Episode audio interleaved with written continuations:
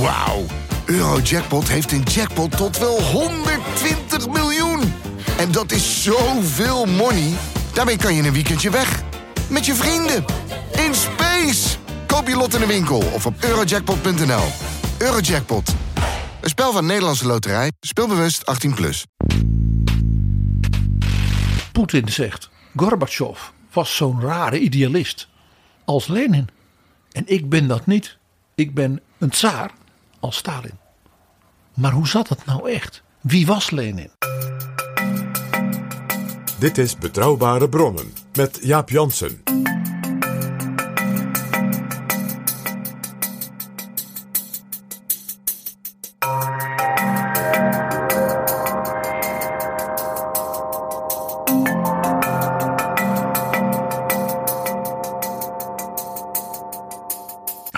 Welkom in Betrouwbare Bronnen aflevering 394. En welkom ook PG. Dag Jaap. PG, dit weekend is het 100 jaar geleden dat Lenin stierf. Hij is helemaal niet zo oud geworden, 54. En tegen de zin van zijn weduwe werd zijn lichaam gebalsemd en tot op de dag van vandaag tentoongesteld in het mausoleum op het Rode Plein, waar ik twee keer op bezoek ben geweest. Je wordt er ingeduwd en het is de bedoeling dat je er vrij snel doorheen loopt. Je mag niet staan blijven kijken, ook omdat er meestal best wel een lange rij staat die dat toch even wil zien. Het balsemen van het lijk van Lenin was een heel gedoe.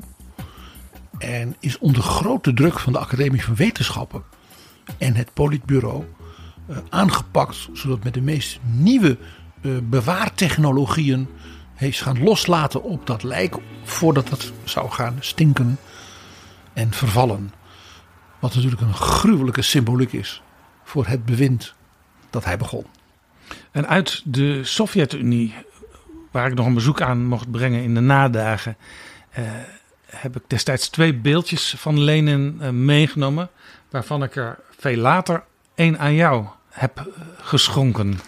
Als een soort eh, pendant van het prachtige borstbeeld van Mao Zedong, wat ik al had. PG 100 jaar geleden, Lenin stierf. Eh, misschien zou je zeggen, lang geleden, waarom moeten we het erover gaan hebben? Het leven van Lenin en vooral ook zijn legacy is van de grootst mogelijke betekenis voor het Europa van nu. Want wat zien we in het Rusland van Poetin? Een ware renaissance van Jozef Stalin. Ja, Stalin, dat was de opvolger van Lenin. Maar we hebben het nu dus over Lenin, de eerste leider van de Sovjet-Unie. Maar in die Stalin-renaissance, ik zal maar zeggen in het Poetin-regime, wordt nou precies dat wat jij aanstipt heel bewust verzwegen. En dat is dus het cruciale feit dat Stalin heel zijn leven, voor de revolutie, tijdens de revolutie, tijdens het leven van Lenin, na Lenins dood en ook in zijn eigen lange periode als de grote worst, de tiran van de Sovjet-Unie, noemde hij zich altijd een leerling van Lenin. Het was toch ook zo dat communisten, eh, nadat eenmaal de Sovjet-Unie aan de gang was, zich Marxist-Leninist gingen noemen. Ja, dat is een bewust besluit geweest van zeg maar, het politbureau van Stalin. Waarbij Stalin dus als de grote ideoloog ook hè, zich profileerde. Dat was, wij noemen onze ideologie het Marxisme-Leninisme. Waarmee dus Stalin nog een keer onderstreepte dat hij als ideoloog en leider en tiran zich dus als een leerling beschouwde van en Karl Marx en Lenin. Die voor hem dus eigenlijk op gelijke voet waren gezet. Stalin zei dus niet, wij noemen alles wat wij doen voortaan het Stalinisme. Uh, sterker nog, dat is natuurlijk uh, eigenlijk een uh, heel negatief woord geworden dat door anderen gebruikt werd. Stalin had zelfs een heel opmerkelijke, min of meer oprechte bescheidenheid dus. Als hij zich ideologisch uitte. Hij was een enorme publicist, schreef heel veel. Maar altijd ik als leerling van onze grote voorganger, onze grote Lenin. In elk boek van hem, in elke brochure, in elke speech. In elke herdenkingsrede die hij hield, het was altijd Lenin voor en Lenin na. En Lenin was als het ware de man op wie je kon beroepen, ideologisch, voor de revolutie, voor politiek denken en ook voor het geestelijke denken en de filosofie. Ja, was het eh, haast een religie. En Lenin eh, was natuurlijk ook maar kort aan de macht geweest. De, de revolutie was in 1917. In eh, 1924 stierf hij. En je kon dus, als je altijd maar verwees naar eh, Marx en eh, Lenin, die het Marxisme in feite in de praktijk heeft gebracht, dan kon je kritiek van je af laten glijden. Want het, het lag zo in de historie beschreven. En wat voor Stalin natuurlijk ook belangrijk was. Doordat hij dus die korte periode van Lenin als heerser, als daar wat, bijna wat wegduwde. En vooral Lenin als denker, als, zo groot als Marx maakte. Waren dus de fouten, als ware, in dat bewind. Die werden ook als ware wat weggepoetst. En was vooral dus het feit dat Stalin de man was die ook echt het ging doen. Die regeerde maakte hij zichzelf als daar op een bepaalde manier als leerling ook weer groot. Ja, En dat is dus wat je bij Poetin ziet. Poetin heeft Lenin in zekere zin historisch doodverklaard. Hij beschimpt juist in al zijn speeches, in zijn historische essays, in die beschouwingen. Denk ook in die hele lange toespraak aan het begin van de oorlog, hè, bij de inval in Oekraïne. ja, waar wij toen een speciale aflevering over gemaakt hebben, die speech. Eindeloze beschimpingen van Lenin. Maar En dat is toch raar? Ja. Als je tegelijkertijd Stalin op een nieuw voetstuk zet. En eh, de geest van Stalin, die door Lenin bevolkt werd, zou je kunnen zeggen. eh, daarvan van, van weer afsplitst. Ja, dat je, dat je zegt, Lenin was fout, fout, fout. En Stalin heeft fouten gemaakt, maar is toch een groot man. Dat is heel opmerkelijk. In 2016 heeft Poetin in een discussie over dus de ideologie en historie van Rusland ook gezegd: kijk, eh, Lenin was een verschrikkelijke tiran. Let op. Zijn repressie was wreed, zegt Poetin. Hè? En die zei: hij heeft een tijdbom onder Rusland gezet. Я имел в виду э, дискуссию между Сталином и Лениным По поводу того, как строить новое государство, Советский Союз. Если, э, ну, вы, вы, э, историк, вы должны знать, что Сталин высказал, э, тогда сформулировал, сформулировал идею автономизации будущего Советского Союза. А, и- в соответствии с этой идеей все остальные субъекты будущего государства должны были войти в СССР на основе автономии, широкими полномочиями. En hij was ook meedogenloos, want wat hij toch gedaan heeft met de tsaar en zijn kinderen en heel veel priesters en edellieden die hij allemaal heeft vermoord, dat bewees toch hoe slecht hij was. Ja, dit is ook interessant. Want ehm, bij veel gelovige communisten is juist vaak het eh, idee geweest: eh, Lenin was goed, Stalin was slecht. En dit is dus precies een omkering onder Poetin. En dat zit hem in dat begrip tijdbom.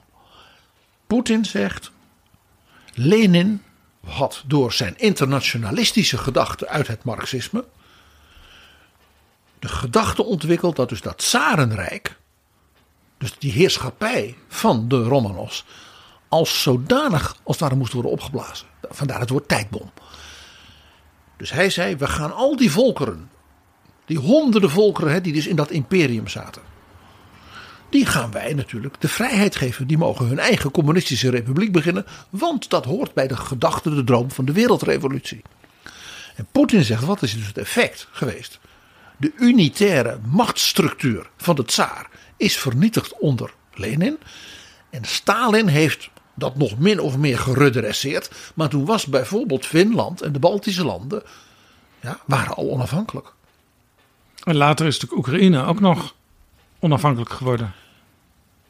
En hij heeft dus gezegd in 2016 dat deze volstrekte foute manier van denken en handelen van Lenin de basis is geweest.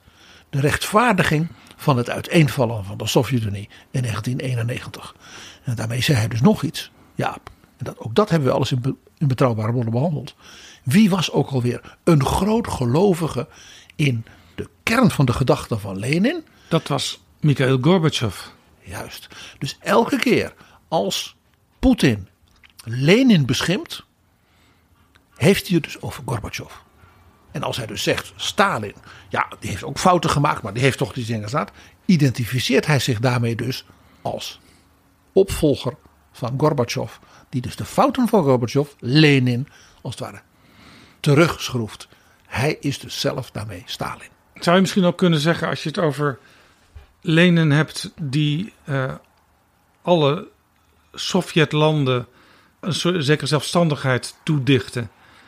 Dat Lenin misschien ook wel gewoon het idee had, als mensen logisch nadenken, dan komen ze vanzelf tot dat communisme en dan, dan willen ze daar ook graag bij horen. En Stalin die zag, nou zo werkt dat niet. Je hebt de knoet nodig en mensen moeten er desnoods met geweld toegebracht worden. En dus kun je ze maar beter in één groot rijk hebben, zoals de tsaar ook al wist. Jaap, dat zie jij heel goed. Vandaar dus Poetin zegt: Gorbachev was zo'n rare idealist als Lenin. En ik ben dat niet. Ik ben een tsaar als Stalin. Ik denk dat het daarom dus misschien wel heel interessant is om nog eens te zeggen: maar hoe zat het nou echt? Wie was Lenin? Want nu, honderd jaar na zijn dood, moeten we ons verdiepen in deze man, die een heel opmerkelijke, dus ideologische theoreticus was. dus een idealist, volgens Poetin. Een overlevingskunstenaar in revolutionaire tijden zoals zelden vertoond. En een volkomen gewetenloos, meedogenloos tiran. En in dat laatste komt hij dus volkomen overeen met Stalin. Zo is dat. En is dus impliciet Poetin door hem ook in hoge mate geïnspireerd. Maar Poetin heeft redenen om dat toe te dekken. Maar eerst, PG, zijn er nog nieuwe kameraden van de show? Tovarici BB. Ja, ja, die zijn er. En uh, met zijn toch wel. Want dit is best een gruwelijke editie hoor, die we gaan krijgen. Fascinerend, maar gruwelijk. Zijn we dus extra blij met die nieuwe vrienden. En dat zijn Annelies en Daan. En ook nog een gift van Nico. Welkom, kameraad Annelies, kameraad Daan en kameraad Nico. Zeer veel dank. Wil jij ook tot die kring van kameraden toetreden? Ga dan naar vriendvandeshow.nl slash bb. Dit is Betrouwbare Bronnen. Jaap Jansen en Pieter Gerrit Kroeger duiken in de politieke geschiedenis. PG, eerst had je Marx en toen kreeg je Lenin die in Rusland probeerde het communisme te vestigen. Jaap, dat ongelofelijke uh, ja, revolutionaire en rijke en van leven van Lenin in die maar 54 jaar. Om dat een beetje zeg maar, in de greep te houden voor de luisteraars, heb ik vier karakteristieken van Lenin als, ja, als mens, maar ook als revolutionair en als leider. Lenin als groot denker en theoreticus hè, en daarmee als inspirator ook van Stalin. Lenin als een ongelooflijk pragmatische opportunist. Wat je niet verwacht van een communistische leider meteen. Dan Lenin, ik zei het al, de gewetenloze. En Lenin, de overlevingskunstenaar. Beginnen we met wat misschien ook wel voor Lenin zelf het belangrijkste was, namelijk de denker en de theoreticus. Dus de opvolger als filosoof, politiek filosoof van Karl Marx. Ja, hij was geboren diep in Rusland. Uh, eigenlijk vanuit Moskou gezien uh, richting Kazachstan al. Ja, in Simbirsk. En dat heet nu Ulyanov. En Ulyanov, dat is weer de familienaam van Lenin. Want Lenin is een uh, pseudoniem, zou je kunnen zeggen, een artiestennaam. Naar de rivier de Lena in Siberië, waar heel veel gulag strafkampen waren waar hij zich dus mee identificeerde. Lenin was een theoreticus en een denker en een schrijver. Dat is een hele belangrijk element van zijn identiteit. En dat kwam al uit zijn vroege jeugd en uit zijn, ja, eigenlijk ook wel zijn opvoeding. Want zijn vader was een relatief eenvoudige jongen die zich in de enorme dynamiek van de modernisering van Rusland. hè, door de bevrijder, tsaar Alexander II, die de slavernij ophief. Eh, ja, als er een soort sociale mobiliteit enorm omhoog had. Ja, die vader werd ook door zijn oom opgevoed. En dat was een welvarende koopman. En daardoor kon hij dus studeren. En maakte een spectaculaire loopbaan in de tijd van deze tsaar. Ja, hij werd, hij werd schoolinspecteur. Ja, en op een bepaald moment werd hij het hoofd van het hele openbare onderwijs, dus van de tsaar, in een hele grote regio. En zorgde ervoor dat er wel 450 scholen werden opgericht. Want het tsaar wilde dat die kinderen van de lijfeigenen konden lezen en schrijven. En daardoor Rusland ook economisch en cultureel opgetild werd. Ja, dus dat zag dus de tsaar waarschijnlijk ook wel in het Westen. Dat onderwijs eh, het land omhoog kon stoten. Onthoud Jaap, ik heb het vaker gezegd. Het huis Romanov, dat geldt ook zeker voor deze tsaar, waren Duitsers. Dus ook deze tsaar keek naar wat Wilhelm van Humboldt dus had gedaan in Pruisen. Namelijk een nationaal onderwijs opbouwen als bodem van burgerschap. En dus economische en wetenschappelijke en technologische bloei. En hij stelde vast dus dat zijn Rusland gewoon in feite 60, 70 jaar op dat punt achterliep. Ja, en die vader van Lenin die deed zijn werk zo goed dat hij zelfs een hele hoge onderscheiding heeft gekregen waarmee hij ook in de adelstand verheven werd. Ja, de orde van de heilige Vladimir. En nu snap je waarom zijn tweede zoon Vladimir heette en zijn eerste zoon, de oudere broer, Alexander. Ja, want Alexander was de tsaar en eh, Vla- Vladimir was dus een heilige. De heilige Vladimir. En dat was natuurlijk de eerste koning in Kiev van Oekraïne, waarnaar al die jongens in Oekraïne Volodymyr heten. Als je de vader van Lenin politiek zou moeten schetsen, dan zou je hem in die tijd liberaal-conservatief kunnen noemen. Ja, hij was een groot bewonderaar van de tsaar. En was ook een echte orthodox gelovige nationalist. Maar ruimdenkend, hè, dus net als deze tsaar, we moeten het volk verheffen. Een veel grotere invloed uiteindelijk op Lenin was zijn moeder. Zijn moeder Maria was van een hele andere herkomst dan zijn vader. Dan zag je ook weer dus die sociale mobiliteit. Dat hij dus in andere klassen van, de, van het Russische volk ging trouwen. Zijn moeder was een Zweedse Lutherse vrouw. En pas na de val van de muur heeft men ontdekt dat zij ook half Joods was. Zijn moeder vond dus dat, ja, dat Russisch-orthodoxe nationalisme en die verering voor de tsaar, ja, het was goed voor de carrière van haar man. Maar zij was eigenlijk een, nou, bijna een 19e eeuwse agnost, bijna atheïst. En had dus een hele grote invloed op haar kinderen daarin. Zij was van het Lutherse geloof. Ja, interessant Jaap. Net als Thorbecke in Nederland ook een Duitse Lutheraan was. En daardoor ook een veel breder perspectief had ja, dan zeg maar, de klassieke mensen van de staatskerk. Is een hele interessante overeenkomst. Ja, en Lenin, toen hij nog gewoon eh, eh, Vladimir Ilyich Ulyanov heette, eh, die ging naar het gymnasium en daar ging het hem ook goed af. Ja, hij, hij was natuurlijk zeer intelligent. Dat bleek ook in de jaren daarna. Maar wat natuurlijk de meest verpletterende indruk op hem heeft gemaakt, en dat heeft zijn leven bepaald, is het feit dat zijn oudere broer Alexander, dus hè, vernoemd naar de tsaar, dus ook Sasha, eh, ja, was een revolutionaire student en is door de tsaar, het regime, geëxecuteerd. Daarmee Want- was hij dus de oudste jongen die was overgebleven. Werd dus daarna ook door zijn moeder tot haar dood enorm beschermd altijd. Eh, en dat heeft hem dus een rebel en een revolutionair gemaakt. Ja, want Alexander werd ook in verband gebracht met een geplande moordaanslag op de tsaar. Dus deze jongen, hè, dus de zoon van die zo geëerde school, ex-inspecteur, deed dus mee met een poging deze tsaar te vermoorden. Ja, en Vladimir, zijn jongere broer, die kreeg via Alexander geschriften te lezen van allerlei revolutionaire denkers, onder wie Karl Marx. Ja, zo is dat begonnen. De reputatie van de familie Ulyanov heeft dus de jongere zoon Vladimir heel lang beschermd. Want hij kon, ondanks dat die broer was geëxecuteerd, kon hij toch ook zelf eh, studeren. Eh, hij werd dus ook een revolutionaire student. eh, heeft ook in de gevangenis gezeten. Zijn moeder, die dus als het ware via haar man ook van adel nu was. En zijn zus, die zijn dus met hem meegegaan, als het ware in ballingschap in Siberië. Wat er ook bewees dat het dus een hele lichte ballingschap was. Het was dus niet een strafkamp zoals daar bijvoorbeeld Jozef Stalin in de, in de, de kou bij de Pool terecht kwam. en nu Navalny, die ook niet eh, te bezoeken is, eh, gemakkelijk door zijn advocaat of de familie. Nou Jaap, een van de dingen in dit verhaal, ik zal het maar meteen vertellen. Die verschrikkelijke strafkampen bij de Pool zijn een vondst van Lenin.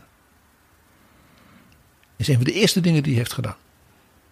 Waar die dus zelf. eh, Voor gespaard is door de tsaar. ja, Stalin niet, Lenin wel, want ja, hij was toch van adel. ja. En deze revolutionair, die zich dus Lenin zou gaan noemen, die studeerde rechten en werd dus advocaat. Ja, en eh, de familie verhuisde na de dood van zijn vader naar Samara. Dat is aan de Wolga. En daar werd hij helemaal een, een echte Marxist. En heeft daar in het Russisch vertaald, want dat moest toch gebeuren, het grote pamflet uit 1848, het Communistisch Manifest, uit het Duits in het Russisch. Dan zie je dus al dat Lenin ook als student dus zeer goed zijn talen beheerste. Dat is een van de geheimen van zijn leiderschap geweest. Was dat hij zo'n zo, talenwonder was. Ja, en hij werkte dus ook door dit te doen mee aan het idee van Marx dat er zeker klassebewustzijn moet ontstaan bij de arbeidersklasse. En dat de revolutie een wereldrevolutie moest zijn. Dus ook in een nog niet hoog geïndustrialiseerd land als Rusland moest als het ware de, de klassen moesten worden rijp gemaakt voor het revolutionaire denken.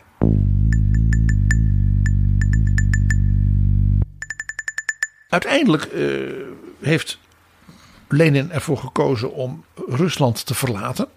En hij heeft eigenlijk een groot deel van zijn leven dus helemaal niet in Rusland gewoond. Ik zei al, hij was niet voor niks zeer begaafd in zijn talen. Dus hij kon heel makkelijk in Europa rondreizen. Hij heeft gewoond, waar heeft hij eigenlijk niet gewoond? Hij heeft in Londen gewoond, in Parijs, in Bern, in Zurich. Hij ging op vakantie in de villa op het eiland Capri van de grote Russische romancier Maxim Gorky. Hij leefde dus eigenlijk het leven van een jongen van adel. Zoals dat in Russische elitekringen in zeg maar, rond 1900 heel normaal was. Ja. Denk ook aan die Russische balletten, de Russische operazangers. Hè, die dus heel modieus waren, juist in die tijd in Europa. Eigenlijk hoorde dus Lenin tot die uiterste elite van de jongens en meisjes uit de tsarentijd. Die in Europa konden wonen en leven. Ja, en hij had geen gebrek aan middelen, want eh, s- zijn moeder had een landgoed en dat werd ook verpacht. En daar kregen ze dus opbrengsten uit. Ja, de familie leefde dus eigenlijk zeer feodaal. Heel klassiek. Ja, tsarentijd. Namelijk uit de opbrengst van het werk van wat dan nu niet meer lijfeigenen waren. Maar nog wel natuurlijk boeren die ja, eh, dienden aan de heer. Een van de eerste eh, werken van Lenin als advocaat was het aanklagen van boeren die schade aan het landgoed hadden toegebracht. Ja, je moet natuurlijk als advocaat wel zorgen dat je moeder haar rechten krijgt met die inkomsten, Jaap.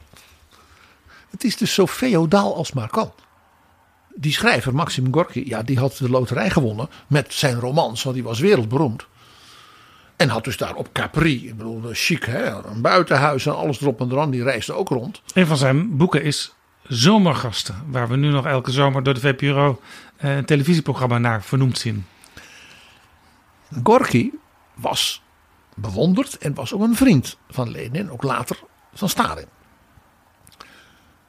Maar Gorky had wel een hele scherpe blik op Lenin. Ja, Gorky die zei ooit over Lenin: het leven in al zijn complexiteit is hem onbekend. Hij kent de gewone mensen niet. Hij heeft nooit tussen hen geleefd. Een van de meest opvallende dingen, als je over Lenin leest, maar ook als je zijn, zeg maar, de dingen die hij zei, ja, over de revolutie, is zijn volstrekt theoretisch abstracte leven. En dat hij ook eigenlijk helemaal niets van Rusland wist. Hij was eigenlijk altijd weg. En voor zover hij dus in Rusland in zijn jeugd woonde, was hij dus een jongen van zeg maar sociaal mobiele adel. Ja, en hij, eh, zijn leven was dus theoretisch, zou je kunnen zeggen. Zowel als advocaat, want hij werkte gewoon vanuit de regels. Maar ook als eh, marxist. Want ja, eh, het marxisme was een theoretische exercitie tot dan toe.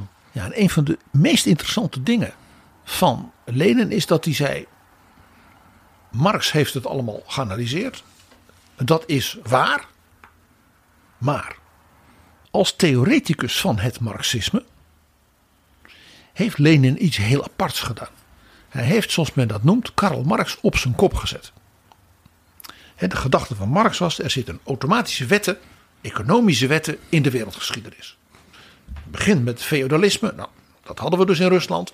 Dan komt de bourgeoisie, de burgerij, komt op. Denk aan de Renaissance, denk aan de Gouden Eeuw in Nederland. Die verovert de wereld met het kapitalisme.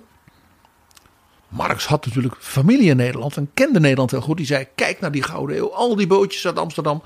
Zo'n klein landje en dat verovert alle wereldzeeën. Daar zag, dat was voor Marx het bewijs. Ja, en dat is dus een stadium in de ontwikkeling van de beschaving. En dan komt er vervolgend stadium, dat is namelijk dat dus het proletariaat, dus het werkende volk, dat wordt als het ware opgeheven. Dat wordt zich bewust van uh, zijn klasse. En bewust van als zij zich vormt. Hier zie je ook weer dat ik zei, want Marx was een Duitser. Net als de Romanovs. Volksonderwijs, training, bewustwording, boeken lezen. Ja, dat, die volksverheffingsgedachte die de sociaaldemocraten en alle socialisten allemaal hebben. Dat komt van Marx. Ja. Want dan neemt het volk als het ware de macht over van de bourgeoisie.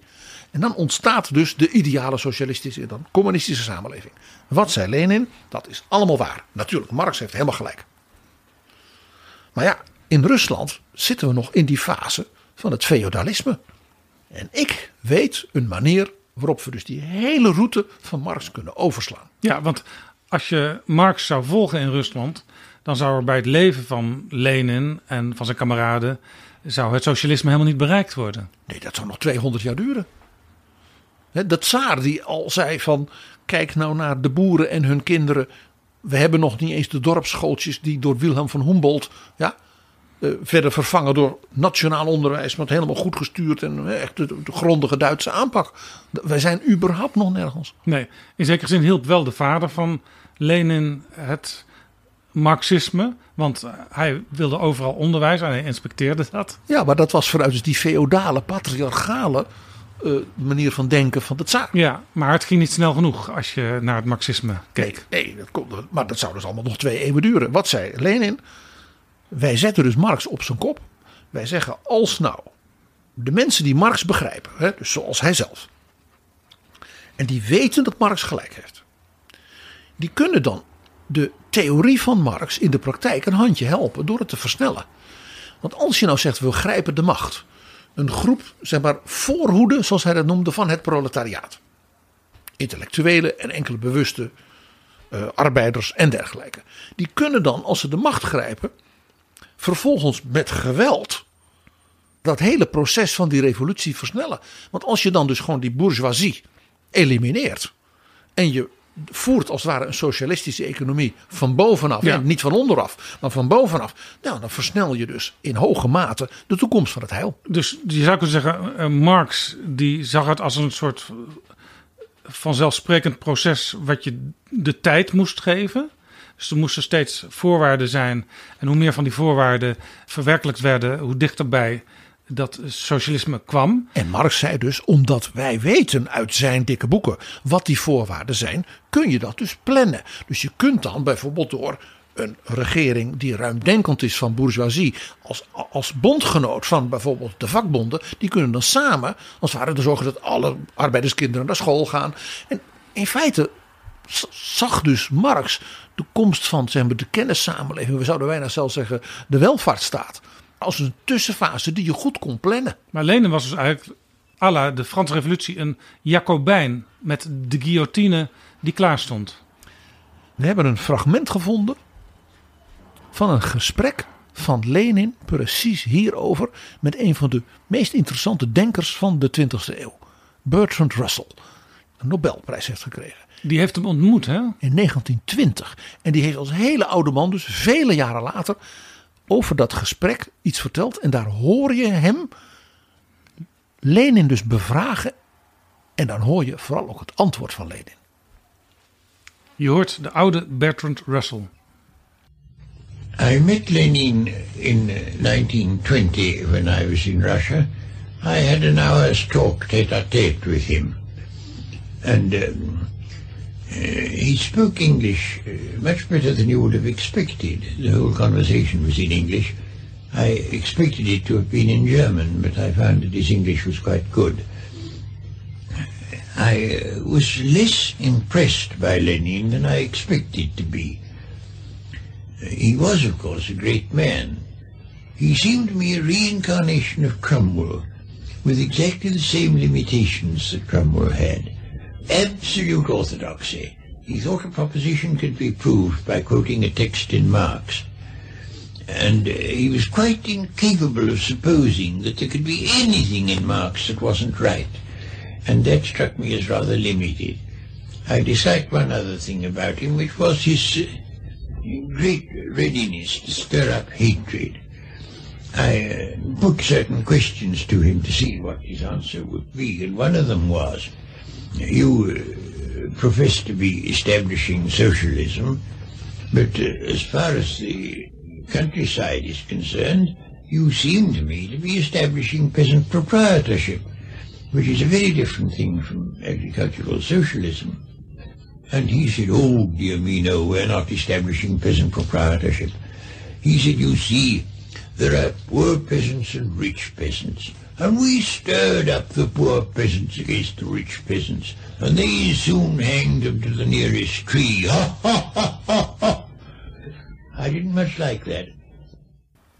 Dat was Russell die in gesprek was met Lenin en daarover vertelde. En zo heel Brits zegt, ik vond dat toch niet zo'n fijn idee.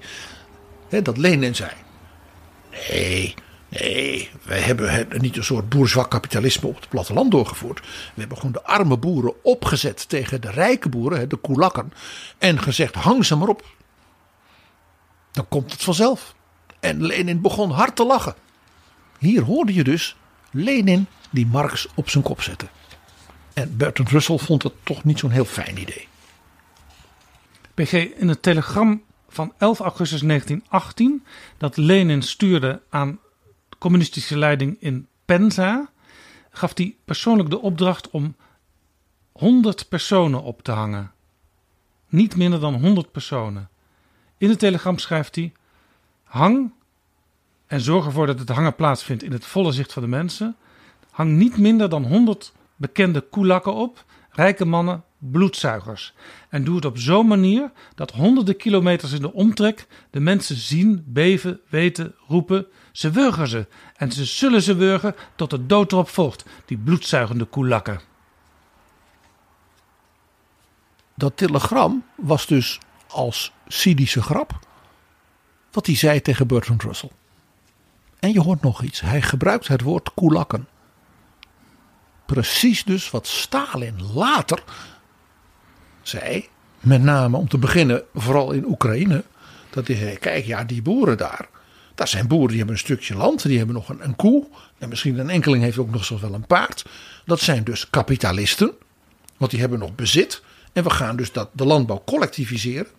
Dus ze moeten dat inleveren. Dat willen ze natuurlijk niet. Dan zetten ze ze op de trein naar de Doe-woestijn in Kazachstan.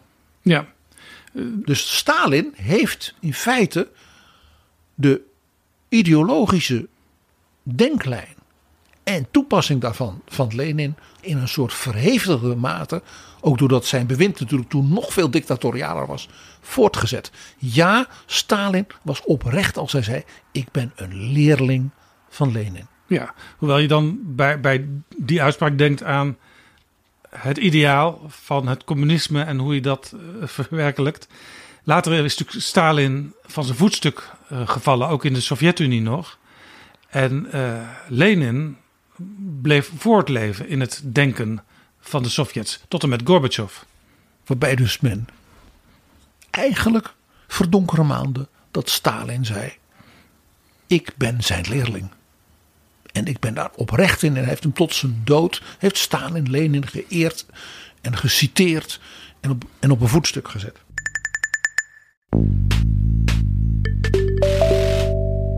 Dit is Betrouwbare Bronnen, een podcast met betrouwbare bronnen.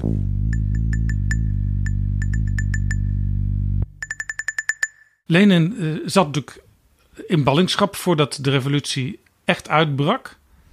En je zei net, Marx had allerlei ideeën over samenwerkende groepen. Sociaaldemocraten, eh, die dus anders waren dan harde communisten. Maar die ook hun rol konden hebben in het proces. Ook Lenin wist natuurlijk dat je moest samenwerken om überhaupt ergens te komen. Ja, en hij woonde dus in Zurich of in Parijs of in Londen. En in die steden in Europa waren dus altijd partijcongressen. En ja, dan kwam Lenin dus ook. Hij sprak daar en dan sloot hij weer allianties. En hij was dus in dat opzicht opmerkelijk pragmatisch. Onder één voorwaarde. Die allianties die hij sloot, dat waren altijd tijdelijke allianties. Want wat Lenin deed, in zo'n samenwerking bijvoorbeeld met de sociaal-revolutionaire groep. En zelfs met de anarchisten en met de christensocialisten. En allerlei sociaaldemocraten, zeker de Duitse SPD, die natuurlijk heel machtig en goed georganiseerd was. Als hij met ze samenwerkte, dan was die samenwerking altijd het begin van radicalisering. Daar ging je dus in het gezamenlijk bestuur of in het blad wat ze samen uitgaven, begon Lenin dan als het ware enorm te radicaliseren zodat er natuurlijk ruzie ontstond en hè, wat ik dan noem cannibalisme, separatisme. Dat was precies wat Lenin wilde. Want wat gebeurde dan? Dan spleet hij als het ware zijn bondgenoten, omdat hij de meer radicaal denkende mensen, die trok hij aan. Want hij was natuurlijk wel een briljant denker en auteur, dus hij overtuigde mensen. En dan brak hij als het ware de eenheid van zijn bondgenoten, blies dan de samenwerking op, nam dus de helft daarvan mee en ging weer nieuwe bondgenoten vinden waar hij hetzelfde mee deed. Maar moet je niet eerst gewoon met al die bondgenoten de macht grijpen en daarna het touw aantrekken?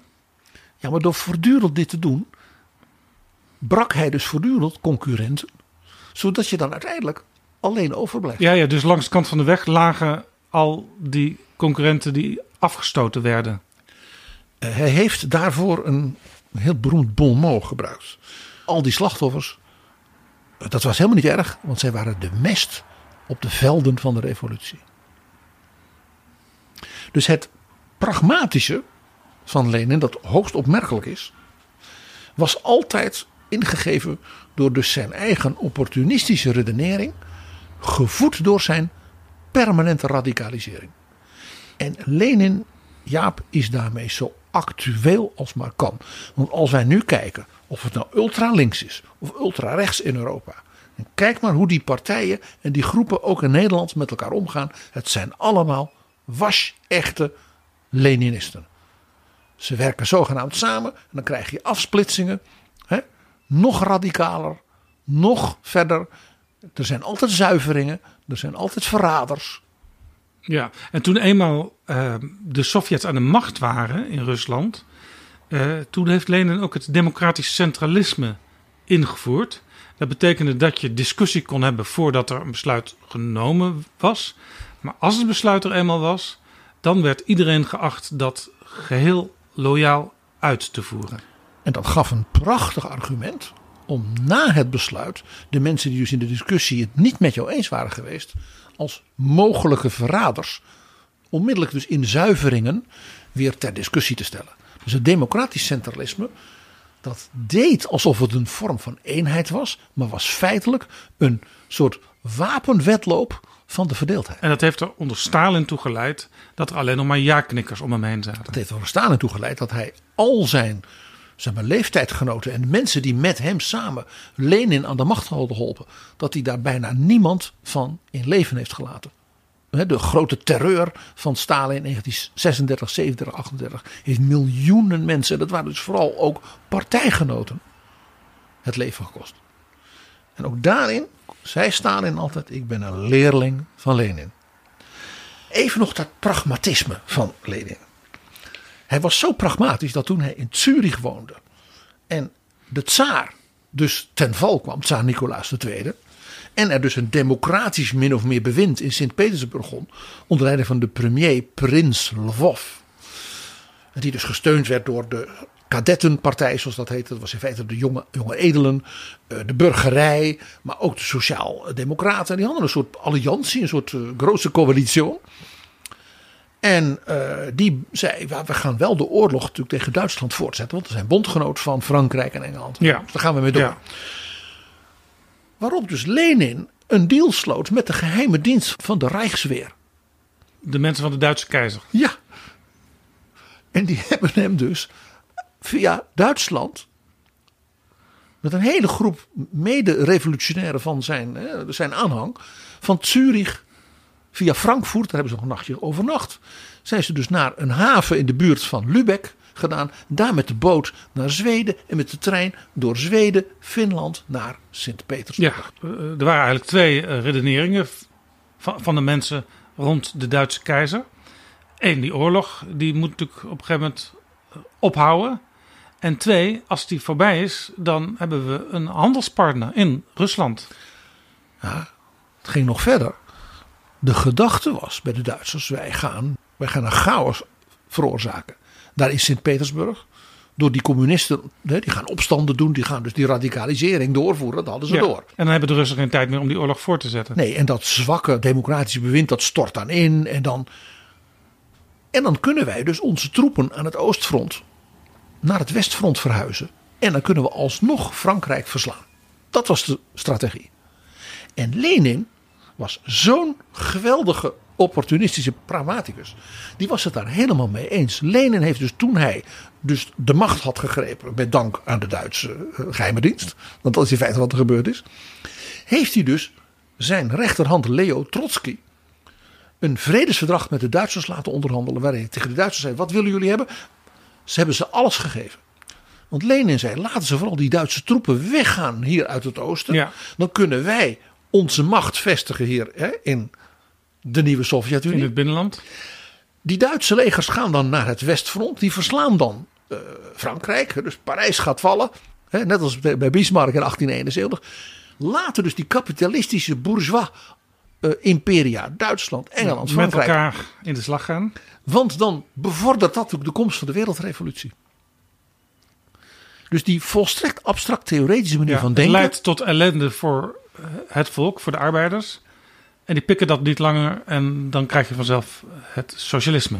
En als Duitsland dan wint, dan is dus die zeer goed georganiseerde Duitse arbeidersklasse. Die kan dan meteen, hè, met, samen met Lenin, de wereldrevolutie beginnen. Dus die volstrekt pragmatische manier van denken.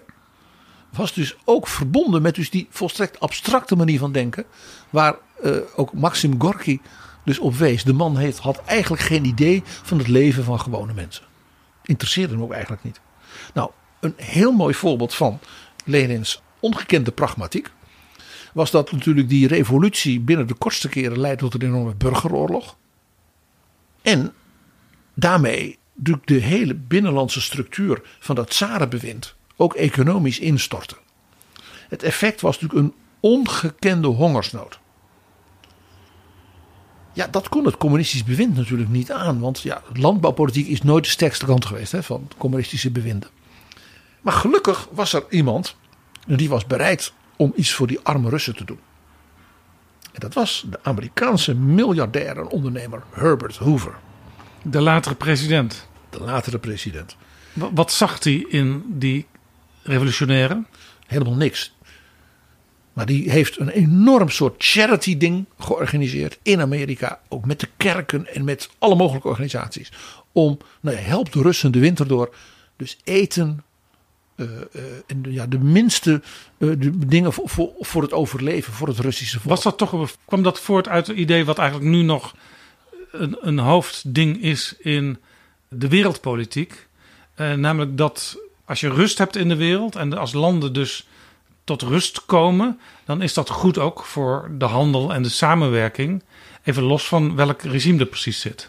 Ja, Herbert Hoover had namelijk dit al gedaan in 1917, 1918 in België en in Duitsland. Dus hij is ook gevraagd van jij kan dat zo goed, dat managen van zo'n gigantisch eh, logistiek eh, proces.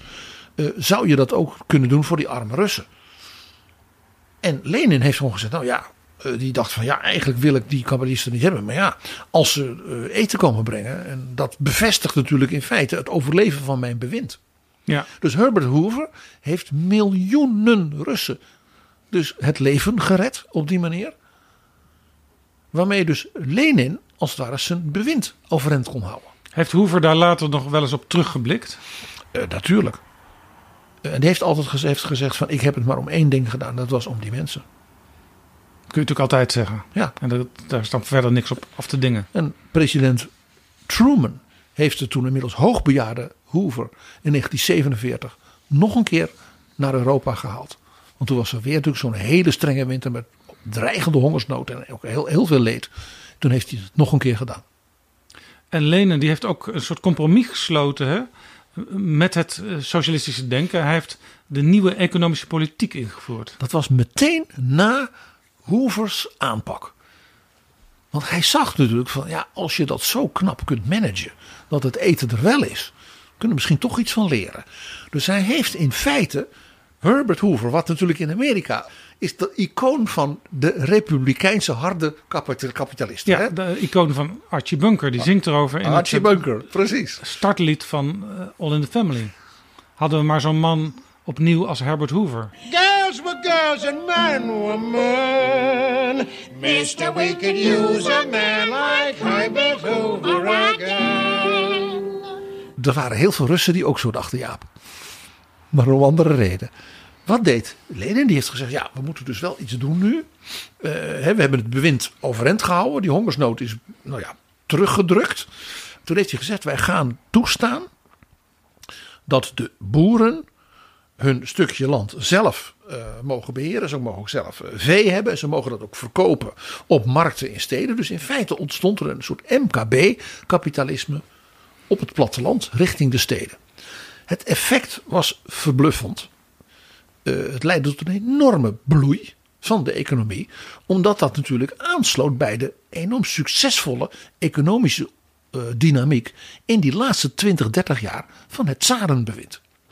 Dus Toen, men ging toen weer de verder. teugels al wat gevierd werden. Ja, door, ook door het opheffen van de lijfheffenschap door tsaar Alexander II. Ja.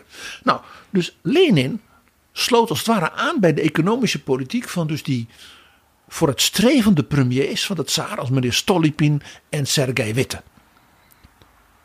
Die dus, interessant genoeg, onder andere waren vermoord door linkse anarchisten. Dat maakt het zo grappig. Dus hij werd in feite de nieuwe Stolypin. Zoals ook Poetin zichzelf vaak presenteert als de nieuwe Stolypin. Dat is ook heel interessant. En dit was ook toch waarom het nieuwe Rusland, het Sovjet-Rusland, in de beginjaren ook best wel populair was in de wereld. Ja, want hij combineerde dit met een briljante PR. De Sovjet-Unie werd gebracht als het meest progressieve, hippe, artistieke, vernieuwende, innovatieve land ter wereld. Wat zeg maar, het Berlijn van de jaren twintig had als het ware één rivaal en dat was Moskou en Sint-Petersburg. Die waren bijna net zo hip. Dus alle kunstenaars en intellectuelen gingen allemaal daarheen. En die zeiden van ja, die verschrikkelijke repressie onder tsaren met dat antisemitisme. Denk aan de jeugd van Golda Meir waar we het over hadden. Dat is allemaal weg en nu is het progressief en emancipatie. de tien vrouwen jaar- zijn gelijk. Tien jaar geleden was er in eh, het Stedelijk Museum in Amsterdam een tentoonstelling Malevich en de Russische avant-garde. Hele abstracte kunst. Ik hou er wel van, ik vond het mooi. En dat is helemaal uit die tijd. En dat was dus door het regime ook heel erg gepusht. Lenin had ook heel veel kunstenaars om zich heen, ook zelfs in zijn omgeving als ministers en zo. Wat natuurlijk niet verhinderde dat hij tegelijkertijd de meest verschrikkelijke repressie onder kunstenaars deed, die dus hem niet volgden. Dus dat was ook een franje, dat was een soort façade eh, die hij had. Dus je had de merkwaardige situatie dat delen van de Russische eh, eh, intellectuelen als er op verschrikkelijke manier werden vervolgd door de zogenaamde Cheka. Dat was de door, door Lenin onmiddellijk ingerichte geheime dienst. Die nam in feite dus de, ook zelfs het personeel van de Ogranka, weet je, die zeer harde eh, geheime dienst van de tsaar, die is gewoon overgenomen. Daar heeft hij een Pool een Poolse intellectueel, meneer Dzerzhinsky, Ja. heeft hij de baas van gemaakt. Ja. En onder andere heeft Lenin gezegd, wat zijn ook alweer de allerergste strafkampen geweest van de tsaar? Nou, dat was onder andere die kloostereilanden naar, nog voorbij Archangel, dus in de Poolzee. Dat zijn dus die ijskoude Pool-strafkampen waar Navalny nu zit. Die zijn door Lenin persoonlijk aangewezen om de allerergste intellectuelen daar op te sluiten. Dus die combinatie van Rusland als vrijdenken, hip, modern, met dus die andere kant ervan. Ook daar zag je dus weer die pragmatische opportunist in Lenin. Ja. En daar zie je dus ook de gewetenloze, meedogenloze man. Want die capitulatie natuurlijk die hij feitelijk deed tegen de tsaar. Daarmee zei hij, ja dat is dan jammer voor al die volkeren hè, die dan eh, door de Duitsers dan worden geregeerd. Waaronder de Oekraïne, wat als een soort buffer staat voor de keizer. Eigenlijk werd overgelaten. Maar ja, het idee was, ja dan verslaan ze de Fransen. Dan eh, is het ellende daar in West-Europa. Dan komt de revolutie. Dus Omdat dus de elke stap die gezet werd in die tijd was een tussenstap eh, naar een heel andere wereld. En de rest had dat niet door. Maar Lenin die had het allemaal al in zijn hoofd zitten. En ook hier weer was hij zo pragmatisch en gewetenloos tegelijk. Dat omdat de Duitsers dus, ja, ik zal maar zeggen, aan het Westfront bezig waren en verloren, mede door de interventie van de Amerikanen, zag hij zijn kans gewoon weer op een ander punt. Toen dacht hij, oh, maar dan kunnen wij dat nieuwe Polen, die nieuwe Poolse republiek, die kunnen wij dus inpalmen. Dus ze hebben geprobeerd Polen militair te veroveren en te onderwerpen. Om van daaruit dan rechtstreeks in Duitsland natuurlijk die communistische republiek die hij zag komen rechtstreeks te kunnen beïnvloeden. Ja. Eh, nam die niet te veel hooi op zijn vork? Eh, ja, Eh, hij- het heeft zijn gezondheid ernstig ondermijnd. Eh, hij is dus niet voor niks eh, niet oud geworden. 54 jaar, eh, 1924. Want ja, hij, hij deed natuurlijk alles zelf en vertrouwde niemand. Eh, hè, dat hoort hierbij. Dus hij heeft zichzelf letterlijk doodgewerkt. Hij had dus ook eh, geen kaas gegeten van delegeren. Eh, nee. Nee, het, eh, het iedereen tegen elkaar uitspelen. Wat hij dus deed, ook bij die radicalisering voortdurend, deed hij natuurlijk ook in zijn eigen omgeving. Dus het tegen elkaar opzetten van Trotsky en Stalin, dat, ja, dat hoorde erbij.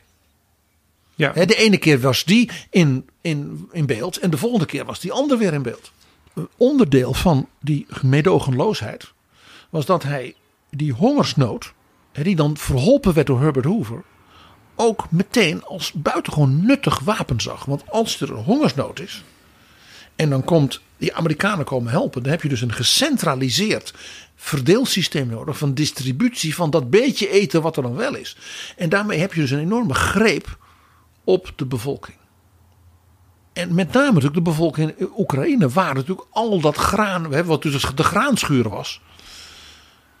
Eh, En wat natuurlijk ja, ook onder Lenin verschrikkelijk was behandeld. Doordat hij bijvoorbeeld gewoon de Duitsers daar eh, huis liet houden. Dus de burgeroorlog die gevoerd werd eh, zeg maar, in 1919, 1921 is vooral ook gevoerd in Oekraïne. Dus hongersnood was ook een vorm van disciplinering. Het is al gruwelijk om te zeggen. Van de mensen die jij wil beheersen. En hier herken je natuurlijk Pol Pot. Je herkent ook Mao. Maar je herkent vooral ook Jozef Stalin weer. Maar je zou eens kunnen zeggen, misschien een rare vergelijking. Eh, Lenin was eh, geen populist. Was niet iemand die gratis bier uitdeelde. Eh, gratis ellende. En belooft natuurlijk elke boer een stukje land. En elke arbeider het eigendom van zijn fabriek. En natuurlijk dat alles geëlektrificeerd zou worden. En dat was zijn grote droom. Alle macht aan de Sovjets, dus aan de arbeidersburen. En elektrificatie van de hele Sovjet-Unie. Dat was zijn leus. Zag je dat Japen in de krant staan? 2023 was het warmste jaar ooit in Nederland. Oh, dat is geen goed nieuws. Ja, maar dat betekent ook dat het een jaar was met heel veel zonneschijn. Oh, dat is dan wel goed nieuws. Want dat betekent dat we ook veel energie konden opwekken uit die stralende zon. Als je erop gaat letten, kun je er zelfs flink mee besparen op je energiekosten. Hoe dan? Nou, als de zon schijnt of als de wind waait, dan piekt het aanbod van duurzame stroom. De marktprijs wordt lager. En dat is het juiste moment om energievreters te gebruiken. Met een dynamisch energiecontract heb je er ook financieel voordeel van. Dus heb je energievreters thuis of op kantoor, dan kun je beter dan gaan opladen. Ja, en bij onze adverteerder Eneco betaal je dan met een dynamisch energiecontract energietarieven die meebewegen met de marktprijs. Dus die bewegen mee met vraag en aanbod. Inderdaad, PG. Je kunt natuurlijk ook bij Eneco een vast contract nemen met tarieven die langer vaststaan. Maar als je het interessant vindt om mee te bewegen met flexibele tarieven op de energiemarkt, hebben ze voor jou een dynamisch energiecontract. En dat hebben ze dan ook voor de luisteraars van Betrouwbare Bronnen. Natuurlijk, PG. Ga daarvoor naar eneco.nl/slash test. Daar kun je testen of Eneco dynamisch bij jou past.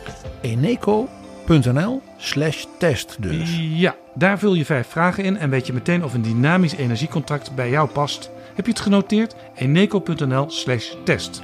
Dat heb ik genoteerd. En jij hebt het genoteerd in de show notes bij deze editie, hè? Ja, en nu maar hopen, PG, dat dit nieuwe jaar net zo zonnig wordt. En dat onze luisteraars in het zonnetje daar even goed naar gaan kijken. Wat zijn we toch een dynamisch duo?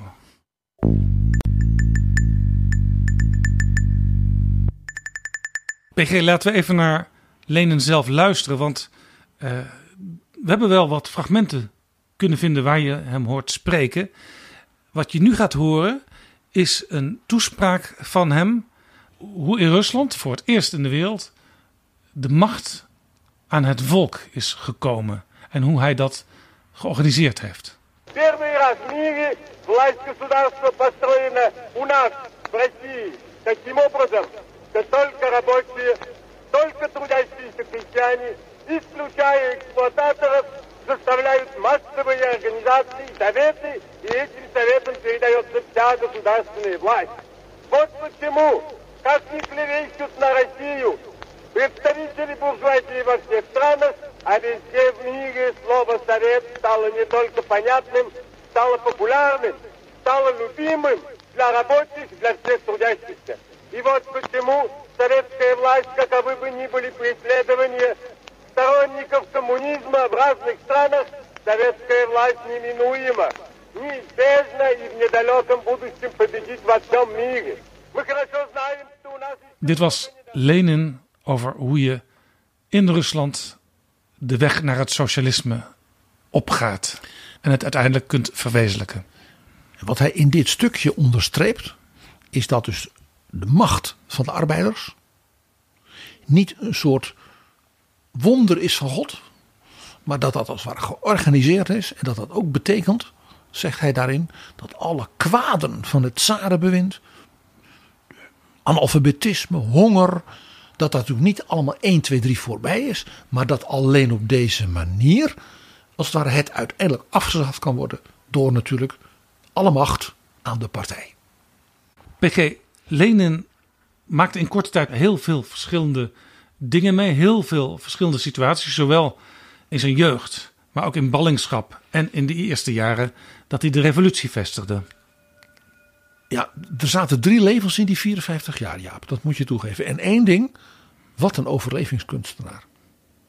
Hij overleefde dat strafkamp van de tsaar. Ja, En gelukkig door dus die adellijke moeder.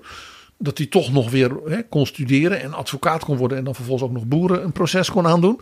Hij overleefde ook die ballingschap. Want hij ontwikkelde zich toch tot de leider van de meest extreme linkse vleugel. Ja, van de revolutionair. Maar dat deed hij in ballingschap. In Genève, in Zurich, in eh, Parijs. Helemaal afgesneden in feite van de werkelijkheid van Rusland. Hè. Zoals Maxim Gorky ook zei. Die man wist helemaal niks van Rusland. Had geen idee. Was een theoreticus. nee, en toen kwam hij aan de macht. En toen was het de ene koep na de andere koep in natuurlijk Sint-Petersburg en ook in Moskou. Zowel binnen de partij als vanuit andere maatschappelijke bewegingen. eh, inclusief generaals die de tsaar, hoewel hè, de tsaar al natuurlijk was vermoord in opdracht van Lenin, trouw bleven en probeerden het bewind van Lenin omver te werpen. En Lenin leek in dat proces onaantastbaar. Op een rare manier heb je de indruk door die voortdurende radicalisering dat dat als het ware zijn naturel aansprak. Als ze waren gaan polderen om te zeggen, we zullen zijn, dan, dan, dan, dan had hij niet geweten wat hij moest doen. Maar als er elders maar weer geweld was en burgeroorlog en wat dan, dan was hij dus als het ware op zijn best. Dat is heel merkwaardig eigenlijk. Maar ook wel, ja, heeft een soort logica. Nou, dan is er natuurlijk ook, is- er is meerdere keren een aanslag op hem gepleegd. Waaronder één keer door een eh, hele linkse vrouw, die hij ook persoonlijk goed kende. En toen is hij bijna echt helemaal doodgebloed. Maar ja, eh, ik zei al, een overlevingskunstenaar. Hij kwam weer omhoog. Maar PG, hij stierf jong, relatief jong, Ja, want hij werd ziek. Ja, eh, de man was, hij heeft zichzelf natuurlijk opgebrand. En hij heeft waarschijnlijk al vrij vroeg dat dat begon. Dat hij zoiets wat wij nu noemen TIA's kreeg. Dat hij dus wat, eh, wat een middag helemaal, eh, weet je wel, buiten Westen was. Dat was natuurlijk dingen die men toen niet zag. Van wat dat was. En op een bepaald moment begon dat dus heel heftig te worden. Toen werden dat echt hele zware hersenbloedingen. En ja, ook dan weer natuurlijk. Wat we later bij Stalin, toen Stalin zo heel oud was, ook zagen. Die dokters, dat zijn allemaal samenzweerders. Dat is een complot. Dus hij eiste, dat moest dan Stalin eh, regelen, dat de allerbeste dokters uit Duitsland, natuurlijk uit Duitsland, hè, dan hoorde je ook weer, hij was geen Rus. Hij geloofde alleen dokters in Duitsland. Die moesten dus komen om hem dan te genezen. Maar de Russische artsen, die natuurlijk ook heel goed waren, die hadden hem al lang. Die zeiden: die man is niet te redden. Maar had hij dus eigenlijk ook geen vertrouwen in zijn eigen volk. Daar kwam het op neer. Nee, niemand. Dus wat gebeurde er? De secretaris-generaal van de partij, dus zeg maar de notulist van de vergaderingen, en de dingen die de vergaderingen voor hem organiseerden, Jozef Stalin, die zei: Neem nou je rust, word weer gezond. We hebben een gezonde Lenin nodig. Ik zal dat apparaat, dat loopt goed, dat heb jij allemaal ge- georganiseerd. Hè, groot genie. Ja, en ik ben jouw leerling, dus daar kun je op vertrouwen. Dus hij werd in een dacha in Gorky, even buiten Moskou. En wat deed Lenin? Die zei, ja, de dokters die zeggen hij moet rust hebben. Hij moet niet eh, nerveus gemaakt worden, want dan krijgt hij hoofdpijn. Dan komt er weer zo'n herseninfarct. Het idee was dat dat nervositeit was. Dat was in die tijd een verklaring van heel veel. Dus Stalin onder het mom van ik doe alleen maar wat de dokters willen, isoleerde Lenin volledig van alle informatie uit Moskou. ondertussen raakte Lenin steeds verder verlamd. Op een gegeven moment had hij zelfs geen spraak meer. En toen heeft hij aan Stalin persoonlijk, want hij kwam vaak op bezoek om heel, heel hij was heel zorgzaam. Maakte hij ook foto's, hè? dan zag je hem dus naast Lenin zitten en wat verhaal. Kijk, Wat natuurlijk in de Pravda werd afgedrukt. Natuurlijk. En dan was het ook van, kijk, het gaat veel beter met hem. Dat kwam natuurlijk omdat Stalin ook zo goed voor hem zorgde. Wat dus een bevordering, waardoor dat isolement alleen maar groter werd. Het was zeer doordacht wat Stalin deed. Lenin had het zelf kunnen bedenken. Hij had het zelf kunnen bedenken. En hoe wanhopig Lenin was, dus dat is ook tragisch hoor in dit verhaal, is dat hij Stalin heeft gesmeekt om gif, dan wel om euthanasie. Want hij zei, ik, ik kan niet meer leven, ik kan, niet, ik kan niks meer. Maar dat weigerde Stalin. En Stalin heeft dat geweigerd. Waarschijnlijk omdat eh, als Lenin eenmaal dood zou zijn, eh, dan zou er misschien wel een machtsstrijd kunnen uitbreken. En wie zou dan worden verweten dat hij Lenin heeft laten sterven? Want dan zegt iedereen, ja, hij zegt wel dat Lenin dat gevraagd heeft. Dus dat volledig wantrouwige, die permanente radicalisering, die ging dus nu Lenin op zijn eind funest dwars zitten. Want er was niemand meer die dus vanuit menselijkheid nog met hem om kon gaan. Dat is gruwelijk. Lenin die schreef een jaar voordat hij doodging een brief aan het partijcongres, 4 januari 1923. Stalin is te grof. En deze fout, die in de betrekkingen tussen ons communisten heel goed te verdragen is, wordt onverdraaglijk als zij de algemeen secretaris betreft. Daarom stel ik de kameraden voor dat zij een manier bedenken om Stalin over te plaatsen en een andere man op deze plaats te benoemen die zich slechts op één punt gunstig van kameraad Stalin onderscheidt. Hij moet toleranter, loyaler, beleefder en attenter voor zijn kameraden zijn, minder grillig enzovoort. Dit was een opmerkelijke brief. Hebben de leden die brief gelezen? Het antwoord is ja. Stalin heeft met dat testament, zoals het werd genoemd, een ongelofelijke manoeuvre gepleegd.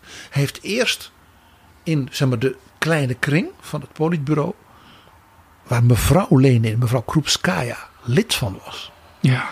dit besproken. Heeft gezegd van, hij is niet gezond, hij is wanhopig.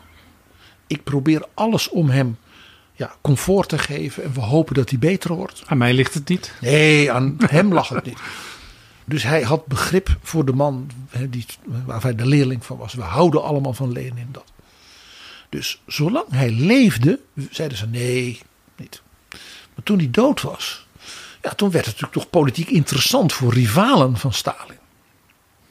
Nou, een korte versie, Jaap. Stalin heeft uiteindelijk toegestaan dat dus het in veel bredere kring gelezen kon worden heeft dus toen weer gezegd van hij was ziek en we hebben allemaal erg met hem meegeleefd en we zijn ook heel verdrietig dat hij er niet meer is. En als u vindt dat we Lenin tot zijn laatste snik moeten volgen, wie ben ik hè, als zijn leerling dat ik u ongelijk zou geven. Dus ik ben onmiddellijk bereid op te stappen als algemeen secretaris van de partij. Als u zegt wij moeten deze oekase van Lenin volgen. Dus allerlei slijmers die eh, de jaren daarvoor bij Stalin in het gevlei wilden komen, Die ook dachten. die wisten nu niet wat moet ik doen. Nou ja, al die mensen die dachten, Lenin is een groot man, maar hij is dood. En voor mijn loopbaan en voor mijn dinges kan ik beter Stalin volgen. Dus Stalin heeft meerdere keren deze truc toegepast. Dan riep hij, ik stop ermee.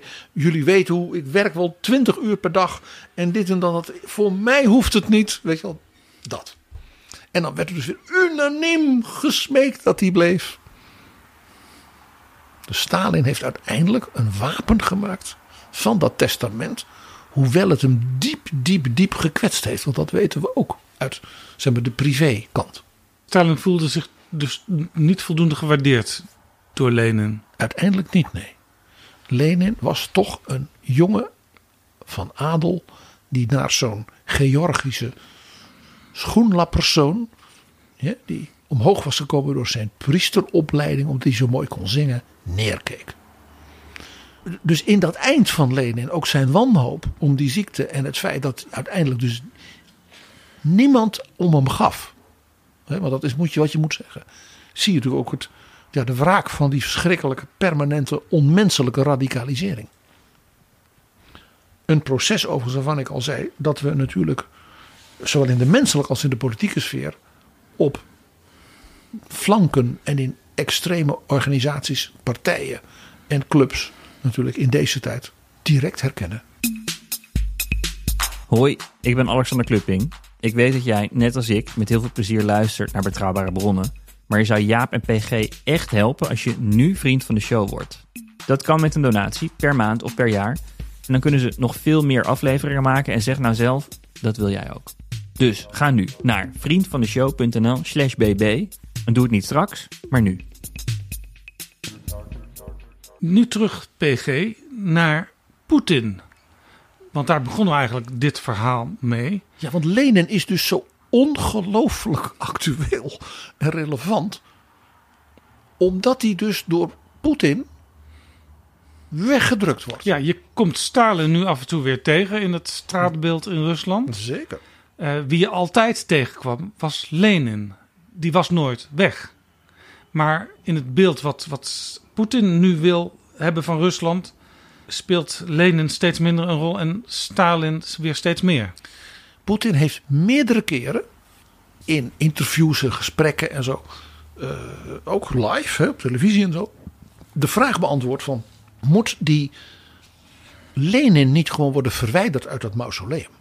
Het feit dus dat hij die vraag toestond dat die gesteld werd, ja, is al veelzeggend. En dan zei hij altijd: nee, dat gaan we niet doen. Uh, u kent mijn opvatting over Lenin. Nou, uh, hebben het over gehad. Hij zei: maar dat zou controversieel zijn. En het is niet nodig om op die manier als het ware de geschiedenis van Rusland eh, als het ware eh, ja, te beschadigen. Dus, dus, dus hier deed van. eh, er zijn ook nog mensen die Lenin aanhangen en die moeten we niet voor het hoofd stoten. En tegelijkertijd zegt hij ook iets realistisch. Het is helemaal niet nodig. Het, het dient nergens toe. Jaap, in de redenering van Poetin over Lenin heeft dus een tijdbom onder dat imperium gezet. En dat is geredresseerd door Stalin. En die vereerder van Lenin, Gorbachev, die is die daar ligt. Dat is wat hij in feite zegt. Daar ligt Lenin, maar dat is Gorbachev. Ja. Gorbachev, die niet een enorme begrafenis eh, kreeg. Poetin is heel even met bloemen gekomen. En heeft heel kil. Dat was. Ik vond het heel aangrijpend. Dus er was ook iets van. Ik heb je dus nu echt definitief overwonnen. En dat lijk van Lenin. Dat laat hij daar dus liggen. Want Lenin is Gorbachev. En Stalin is Poetin. Zijn grote verwijt is dus. Lenin heeft die volkeren soevereiniteit en een eigen toekomst beloofd. Omdat ze dan mee zouden doen natuurlijk met dat positieve eh, gebeuren van de wereldrevolutie. En op basis van die theorie van soevereine Sovjet-naties heeft Gorbachev uiteindelijk ook in gang gezet eh, wat onder Yeltsin gebeurde, dat Oekraïne zelfstandig werd. Gorbachevs opvatting dat de Sovjet-Unie niet meer de Brezhnev-doctrine toepaste. Dat als een land, een Polen en zelfs een DDR zei wij willen onze eigen weg gaan. Dat hij dan zei conform Lenin, dan moeten ze hun weg kunnen gaan. En wat zegt Poetin? Dat, daarmee heeft Lenin, hij bedoelt dus Gorbachev, de ondergang van de Sovjet-Unie uiteindelijk, hè, zoveel jaar na 1917, opgeroepen. En dat moet worden teruggedraaid. Want dat is in feite waar hij het over heeft. Dus als hij nu het heeft over het kleine Moldavië, of over Estland, Letland, Litouwen, en ook als hij het heeft over Abhazie en kleine stukjes Georgië die hij bezet, dat heeft hiermee te maken. En daarom is dus Lenin zo ongelooflijk actueel. En een paar jaar geleden zouden we dit nooit hebben gedacht. Misschien een hele rare vraag, PG, maar wat is nu de belangrijkste les die we kunnen leren van Vladimir Lenin? Dat het verleden nooit voorbij is, ten eerste. En ik wil nog op één ding wijzen, Jaap. Waarom is Poetin zo fel, zo scherp, zo emotioneel als hij het over Lenin heeft? Is dat nou alleen vanwege die nationale soevereiniteit voor de Finnen en de Esten en voor Kiev? Nee, er is nog iets. Wat heeft Poetin nou eigenlijk zelf gedaan? Hij was gemeenteambtenaar in Sint-Petersburg. De Sovjet-Unie stort in door Gorbachev. Hè, die hij zoveel verwijten maakt. Ja, En wat heeft hij toen gedaan? Toen heeft hij met een groepje vrienden van de geheime dienst en van de maffia van de haven van Sint-Petersburg, weet je nog. En met oligarchen met wie die banken begon. Een club gemaakt en die heeft van binnenuit in het Kremlin van de toen verzwakte Boris Yeltsin de macht gegrepen. Wat is dat anders dan de filosofie van Iskra, het blad van Lenin? We hebben een kleine voorhoede van de revolutie. En die gaat als het ware de macht grijpen. En die trekt dan het proletariaat als het ware omhoog. Iskra, Top-down met geweld. Iskra betekent vonk. De vonk dus die eh, het vuur aanwakkert. Ja. Maar in feite is de tactiek die Poetin heeft toegepast. Om zeg maar in dat Kremlin van Boris Yeltsin naar de macht te grijpen. Is puur Leninistisch. En dat wil hij natuurlijk nooit moeten toegeven. Ja, dus hij bedekt die overeenkomst door juist zoveel mogelijk afstand te nemen van kameraad Lenin. Zo is het, Jaap. Dankjewel, PG. Jaap, als wij het over de Russische geschiedenis hebben en ook de actualiteit van Rusland, want dit is geschiedenis, maar oh wat is dit actueel, dan kan het niet anders natuurlijk dan dat er een moment is van die grootse, ik blijf dat zeggen, grootse Russische cultuur. En ja, ook Lenin. Toen Lenin in 1970, natuurlijk 100 jaar geleden, was geboren, was dat natuurlijk in de hoogtijdagen van partijleider Leonid Brezhnev. En één ding was duidelijk, dat moest groots gevierd worden. En daarmee moest men ook aansluiten bij iets van Lenin, wat ook nog paste bij het Rusland van toen. En wat was dat? Lach niet Jaap. De grote betekenis van cultuur en klassieke muziek. Want Lenin was een enorme bewonderaar van Beethoven. Hoe vaak al genoemd in betrouwbare bronnen. Beethoven. Alle mensen werden broeder. Ja, Beethoven als revolutionair, als rebel, als vernieuwer van de muziek. Een van de beroemdste propagandaschilderijen die overal in Rusland hingen van Lenin was Lenin die luisterde terwijl hij aan het schrijven was aan een van zijn grote denkboeken naar de pianosonate Appassionata van Beethoven. ja, jij lacht. Maar dat betekent dat de arme Dmitri Shostakovich, natuurlijk de grote componist van de Sovjet-Unie, de opdracht van het regime kreeg om voor de herdenking van 100 jaar Lenin natuurlijk een muziekstuk te schrijven. En hem werd natuurlijk niet gezegd, kom maar met iets. Nee, hij kreeg een liederencyclus opgedragen van gedichten van een Sovjet-dichter die natuurlijk, je begrijpt, over de ideologie gingen en over Lenin. En de titel van dit werkstuk zou natuurlijk heten naar die acht gedichten. En weet je hoe die cyclus heette? Loyaliteit. Wie had dat bedacht? Ja, het regime zelf. Dus de arme Shostakovich die is aan het werk gegaan. Ja, en die heeft dus een stuk geschreven.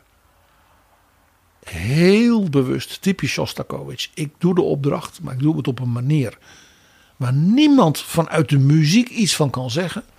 Maar iedere luisteraar denkt, hmm.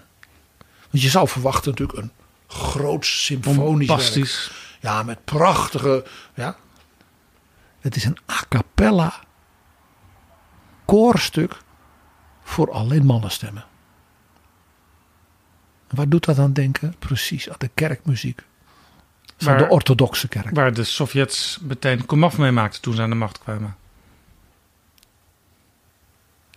Dus het stuk Loyaliteit van Shostakovich is een a cappella mannenkoor. Die dus die acht gedichten zingen.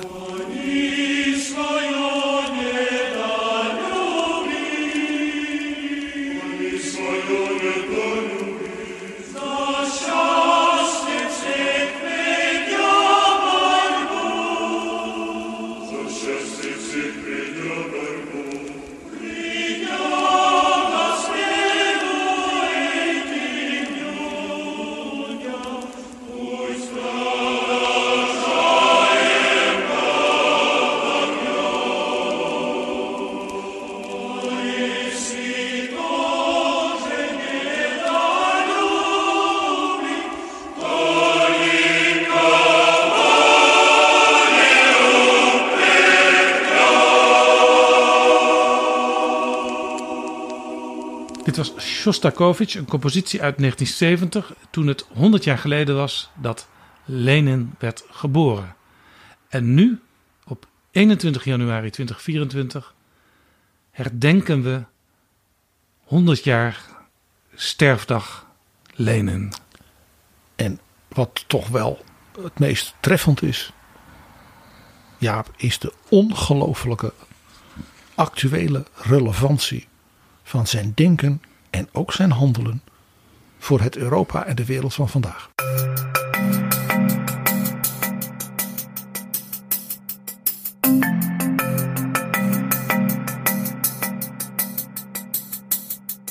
Zo, dit was Betrouwbare Bronnen, aflevering 394. Deze aflevering is mede mogelijk gemaakt door onze kameraden. Wil jij ons ook helpen? Ga dan naar vriendvandeshow.nl slash bb. En we danken jou voor je donatie. Na zdravje tavarici. Tot volgende keer. Betrouwbare bronnen wordt gemaakt door Jaap Jansen in samenwerking met dag en nacht.nl.